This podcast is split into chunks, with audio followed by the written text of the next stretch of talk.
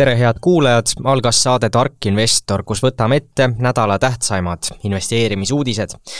millest täna räägime. Nvidia tulemustest, Tallinna börsi dividendiuudistest, Elmo rendi saneerimisest ning lõpus ka väheke turu intressikärbete ootustest. mina olen Kaspar Viira ja koos minuga on stuudios Priit Pokk ja Richard Mägar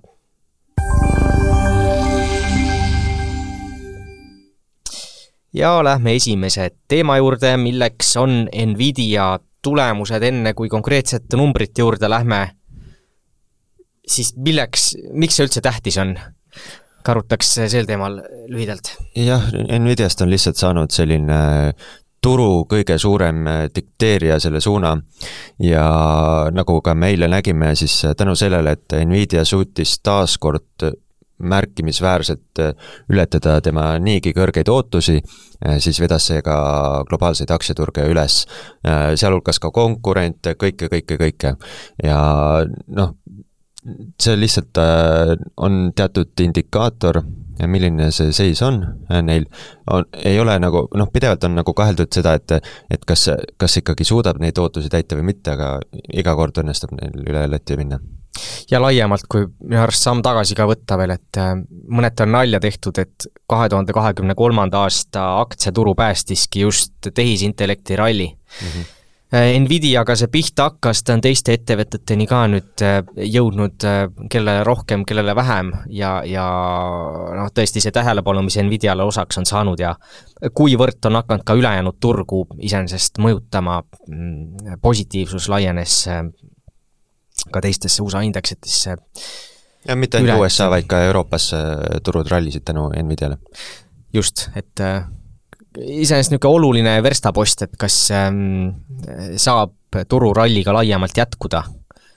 või vastupidi, ootab ees korrektsioon, seekord läks nii, et äh, saab tõus edasi tõusta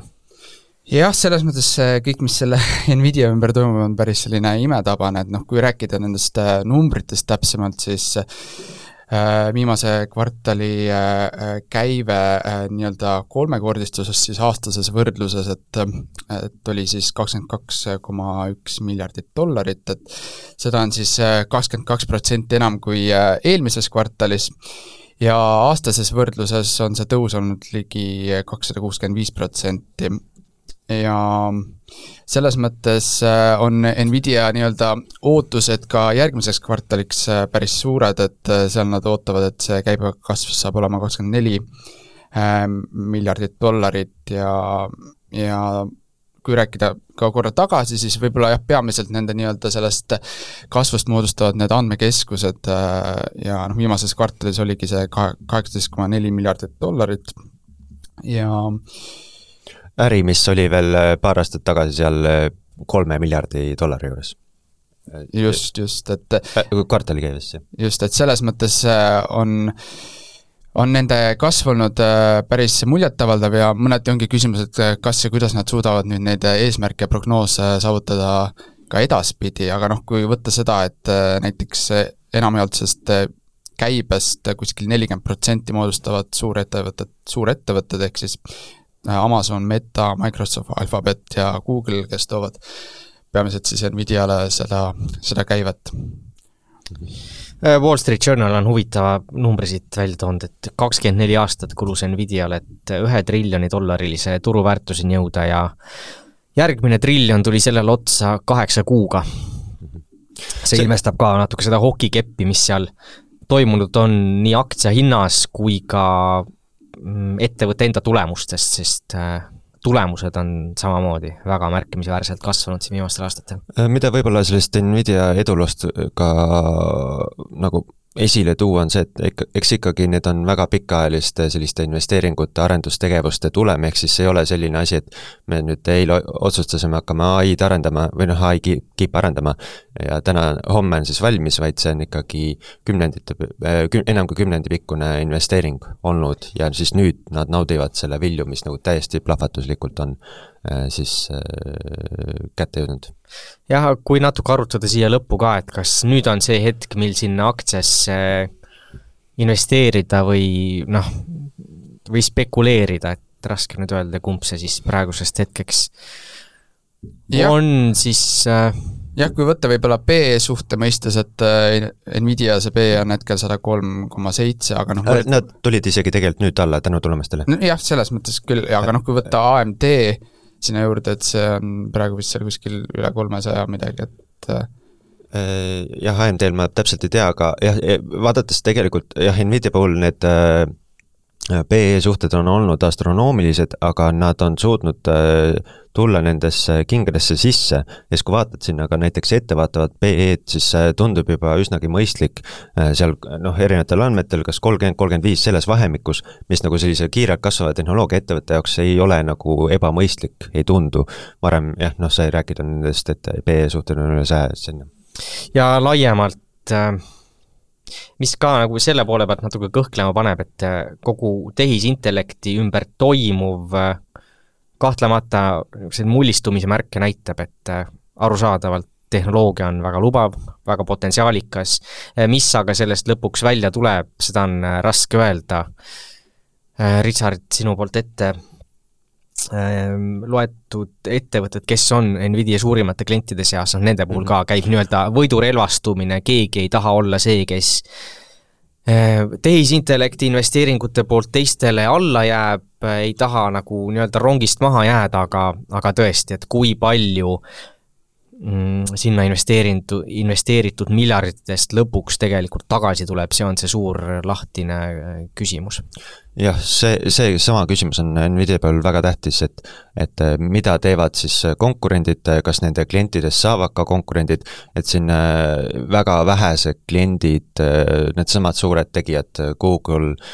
Microsoft, Äh, Meta, need moodustavad väga suure osa käibest ja samas, samal ajal on hakanud ka ise seetõttu äh,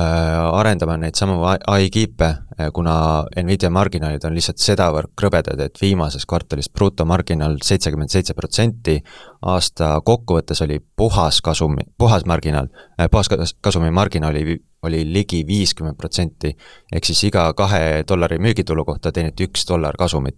ja seetõttu, noh, see tähendab seda, et see võiks meelitada ikkagi konkurente äh, panustama nendesse investeeringutesse, aga äh, Nvidial on see esimese tulija eelis ja noh, ütleme niimoodi, et kui sa Google, siis sa ei hakka oma kiipe pakkuma Microsoftile ja nii edasi, et see, see neutraalne positsioon ka aitab, noh muidugi ka teisi tegijaid, AMD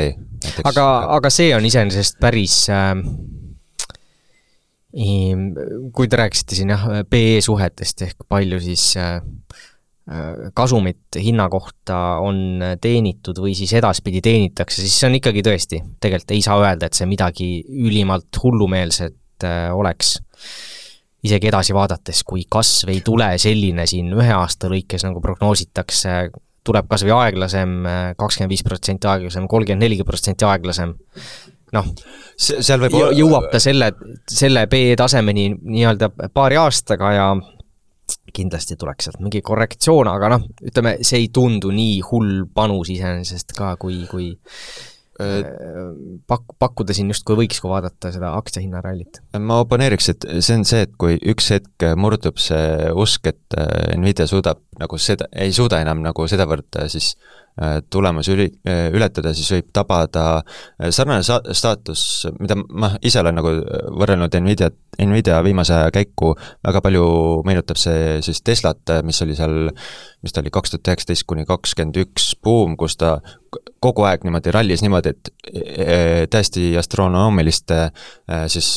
kordajate peale oli samuti, tundus nagu kogu aeg tundus ülikallis, aga samas suutis kogu aeg jälle mingisugune teha kolmekümneprotsendiline ralli, kolmekümneprotsendiline ralli ja ikkagi suutis seal jõuda tippu, mingi seal oligi vist kaks tuhat kakskümmend üks vist jäi see tippperiood, et üks hetk see lõpuks äh, katkes ja kui vaadata siin võrreldes kahe tuhande kahekümne esimese aasta tipuga, siis nüüd, kui Tesla tundub nagu mõistlikuma hinnataseme juures, seal need PE suhted on normaalsed, siis on, sellest on tulnud päris palju alla. jah, kuigi minust jäi siin positiivne mulje, siis mina sellele Nvidiale üksikult panustamas kuidagi ei ole. Äh, indeksite koosseisus on, on see olemas seal, kui sealt, sealt mulle kasv tuleb, ma olen sellega rahul. mina seda püüdma selles mõttes ei lähe jah, isegi kui siin positiivse äh, mulje iseenesest jätsin jah, ma ise mõtlen ka, et äh, eks ole, mis see eesmärk on, aga mulle tundub, et võib-olla Nvidia puhul tasuks võtta just selliseid lühikesemaid positsioone, et mina isiklikult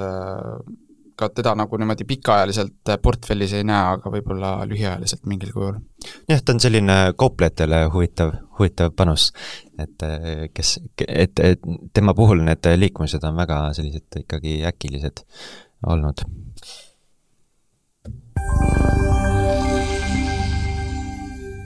ja nüüd võtame ette rahulikuma teema, räägime Tallinna börsi dividendidest. viimasena teatas Tallink ja mõneti üllatuslikult ütles, et kuus senti kavatsevad maksta. jah, selline natukene kontrast, et kui Nvidia on selline väga äkiline, siis dividendid on sellise nii-öelda konservatiivsema investori äh, siis meelelaadi kuuluv äh, valdkond. Äh,, siis jah, Tallinna börsil on teatanud päris paljud äh, ettevõtted tegelikult äh, dividendi või siis on indikeerinud, kui palju see see aasta võidakse maksta. Äh,. Tallink teatas kuus senti aktsia kohta mis teeb siis dividendi tootluseks seal umbes kaheksa pool protsenti, Coop Pank pole veel teatunud, aga võib indikatiivselt olla kaheksa koma seitse senti aktsia kohta, mis teeb seal ligi neli protsenti, LHV-l on tootlus umbes sama, kolmteist senti aktsia kohta Harju Elekter samuti kolmteist äh, äh, senti aktsia kohta, tootlus kaks koma kuus protsenti. Tallinna Kaubamäe Grupp, mis on olnud üks stabiilsemaid dividendi maksjaid, teatas, et suurendab võrreldes eelmise aastaga natukene dividendi ning maksab null koma seitsekümmend kaks eurot aktsia kohta, mis teeb siis dividendi tootluseks kuus koma üheksa protsenti. teine selline väga tubli ajalooliselt dividendimaksja olnud Äh, Merko ehitus, kes äh, taaskord maksab äh, eurodividendi aktsia kohta ja nende puhul on siis dividendi tootlus circa kuus koma kaks protsenti, aga mis nende puhul on nagu erisus see, et et nad on püsinud samal tasemel dividendiga alates, kas see oli siis kaks tuhat kaheksateist, maksnud kogu aeg eurodividendi, pole seda kasvatanud ning tänavu on nad teenisid rohkem kasumit Äh, kui no erakordselt suure kasumi teenisid, mistõttu mindi ka siis tegelikult dividendipoliitikaga vastuollu. Äh, nad maksid vähem, kui dividendipoliitika ette näeb, et olla konservatiivne. Ja jah, ja kui rääkida, siis on veel teatanud dividendiga siis Seften äh, euroaktsia kohta, mis on ka natukene rohkem kui viis protsenti. Ja siin varsti on tulemas ka veel teisigi dividenditeateid nii, nüüd investoritel on kahtlemata küsimus meelel, et kui jätkusuutlikud dividendid äh, ettevõtetel on, eile sa rääkisid äh, Paavo Nõgenega, mis äh, sealt kuulsid? jah, no Paavo Nõgene ise loomulikult loodab, et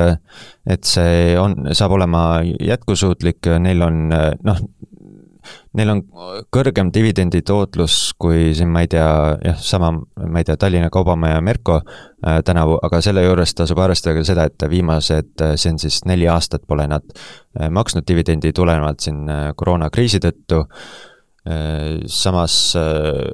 vaadates viimase aasta tulemusi, siis see kasuminumber oli märkimisväärselt parem kui siin enne pandeemiat, müügitulu jäi küll kõvasti alla, aga lõppkokkuvõttes sõltub see, et palju sul nii-öelda raha endal kätte jääb. ja see, see on nagu olnud äh, väga äh, tubli ümberpööramine Tallinki juhtkonna poolt ja noh, eks, eks sõltub, kuidas neil siis läheb, et kas see on jätkusuutlik või mitte, et seda on nagu keeruline ette ennustada jah. Äh, Slim Fit, nagu ise Nõgen on varasemalt öelnud Tallinki kohta. et, et äh, jah, selles mõttes äh, Tallink varasemalt oligi, tal oligi niisugune häda tal kaelas, et varasid oli palju, tootlust nende pealt nii palju ei teenitud, investeeritud oli palju, aga tagasi sealt nii palju ei tulnud, aga nüüd viimaste tulemuste järgi siin ka varade tootlikkus üle kümne protsendi, et näeb asi juba üksjagu parem välja kui varasemalt mm. -hmm. mis natukene ka siin dividendiaktsiate kasuks räägib, ka see on muidu see, et et kui vahepeal hakkas siin tähtene hoius ka väiksema riski juures pakkuma konkurentsi, et kui vaatame näiteks, ma ei tea, Harju Elektri dividendi kaks koma kuus protsenti, no tänaseni saad ka see, nagu selle kätte, siis tähtelised hoiused on alanemas, mistõttu nii-öelda dividendiaktsiad nagu proportsionaalselt natukene muutumas atraktiivsemaks. Ja ma ütlen ka ette ära, et siin on tulemas järgmisel nädalal ka veel portsu teisi dividenditeateid, noh oletatavasti näiteks Infortar avaldab esmaspäeval, eeldatavasti maksab üks koma üheksakümmend, üks koma üheksakümmend kolm eurot äh, aktsia kohta, mis teeb seal seitsmeprotsendilise dividendi tootluse, äh, kuid äh, tegelik tulemus selgub esmaspäeval, siis saab Pranga, Delfin Group, Ignitis, Novaturas, Tallinna Sadam on kolmapäeval ja mis kindlasti saab olema huvitav, on, ma ise jälgin seda, mida teeb Novaturas, kuna arvestades nende majandustulemusi ning dividendipoliitikat, siis seal võib tulla päris korralik üllatus, aga see, seal on ka see küsimus, et kui konservatiivsed nad selle dividendimakse osas on et äh, milline see turismisektori nii-öelda vaadet nähakse. ja siis neljapäeval tuleb ka veel Enefit Green, ProCapital, Jaloo pankas ja Virgin. aga laialt, laiemalt saab öelda, et äh, üksjagu atraktiivsed dividenditootlused, kui läheb siin majandusolukord paremaks, tuleb inimesi börsile tagasi, mm, ütle, ütleme nii, et dividenditootlused juba vaikselt meelitavad äh, ka siin, et jah, mis on võib-olla natukene vähe, on see, et selliseid dividendi, stabiilseid dividendi kasvatajaid liiga palju ei ole, et noh, siin pangad on, aga ne-, noh, nende puhul need, see tootlus on ka väiksem, noh kuna nad on, lihtsalt ise vajavad kapitali ja äh,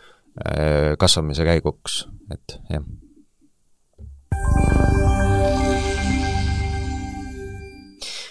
ja nüüd räägime lühidalt Elmo rendi äh, saneerimisest kui veel eile hommikuni polnud päris kindel, et äh, mis on Elmo Rendi edasine saatus, siis eile hommikul sai pilt äh, selgemaks. Kahe tuhande kahekümne kolmanda aasta lõpus palus ettevõte saneerimist ehk sisuliselt võlgade ümberkujundamist, et äh, võlakohustused enda jaoks siis manageeritavaks saada. viimased paar kuud oli saneerimiskava koostatud ning eile võeti see siis võlausaldajate poolt Äh, vastu. Kokku oli Elmorendil võlgu kolm koma kolm miljonit eurot, saneerimiskavaga vähendati nõudeid seitsmesaja kaheksakümne, seitsmesaja kahekümne seitsme tuhande äh, euro võrra ja saneerimiskavaga äh, proovitakse nüüd makseraskused ületada, leida Elmo lühirendi ärisuunale äripartner või ka jutt on olnud selle müümisest ja suurt perspektiivi nähakse siis tehnoloogia arendamise jätkamises äh, ettevõttesse Elmo Remote, mis tegeleb siis äh, auto kaugjuhi, juhitava äh, tehnoloogia arendamisega.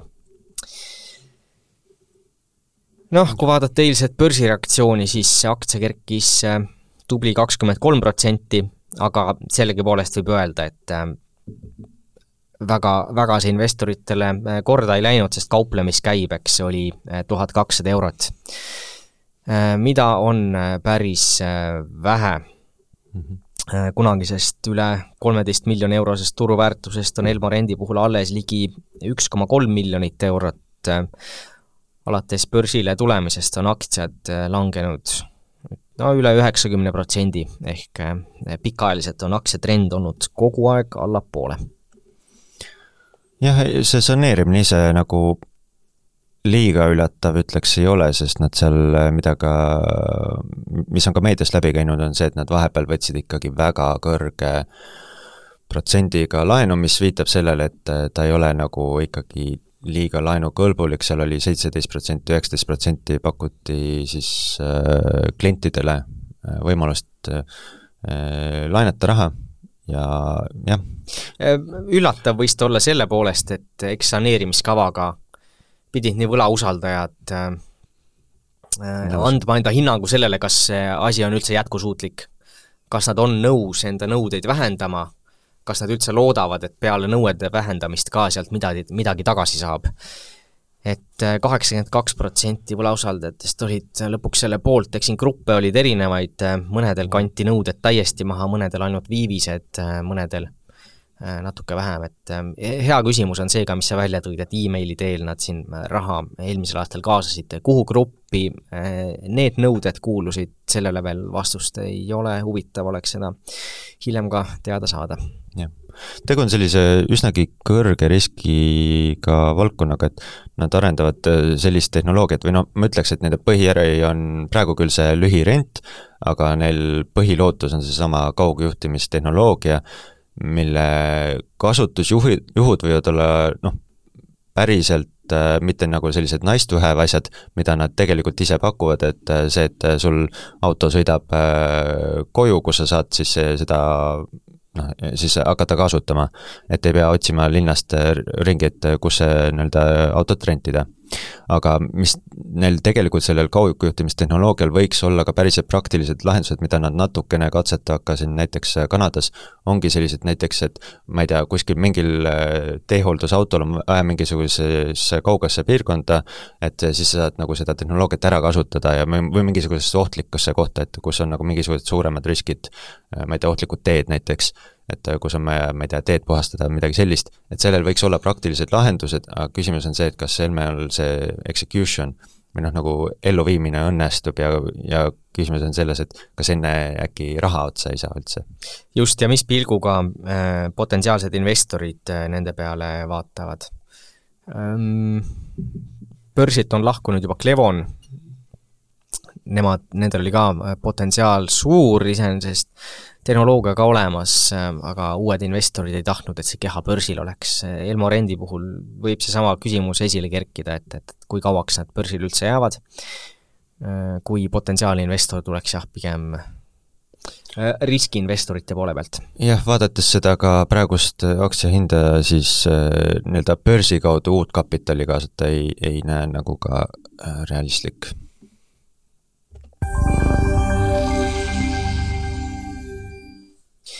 ja lõpetuseks äh, räägiks lühidalt sellest, mis äh, turg siis äh, euro, Euroopa Keskpanga intressiotsustest ootab. Kui eelmise aasta lõpus kerkisid kiiresti ootused, et kaks tuhat kakskümmend neli toob kiired intressilangetused, tehakse seda suurte sammude võrra, ja esialgne ootus oli, et esimene langetus tuleb märtsis, siis äh, neid ootusi on äh, oluliselt vähendatud, äh, turu ja Euroopa Keskpanga seisukohad või vaated on nüüd nii-öelda, nii-öelda ühtsemaks saanud ja mida siin öelda, nüüd ootavad turud ligikaudu üheprotsendist intressilangetust tänavu. varasemalt ligines see kahele protsendile jah, see oli, kui vaadata näiteks äh, detsembri kolme kuu Euribori futuure, siis äh, siin aasta lõpus oli, äh, prognoosisid futuuride põhjal, et Euribor saab olema kaks koma kakskümmend viis protsenti, siis tänavu, nüüd selle aasta detsembris, ja nüüdseks on see langenud või tähendab siis tõusnud kolme protsendi peale, ehk siis praegusest tasemest nii-öelda üks protsent alla tuleks Euribor ehk siis on toimunud teatav selline normaliseerumine siis finantsturgude ja keskpankade vahel, ehk siis nagu selline nägemus hakkab ühtlustama.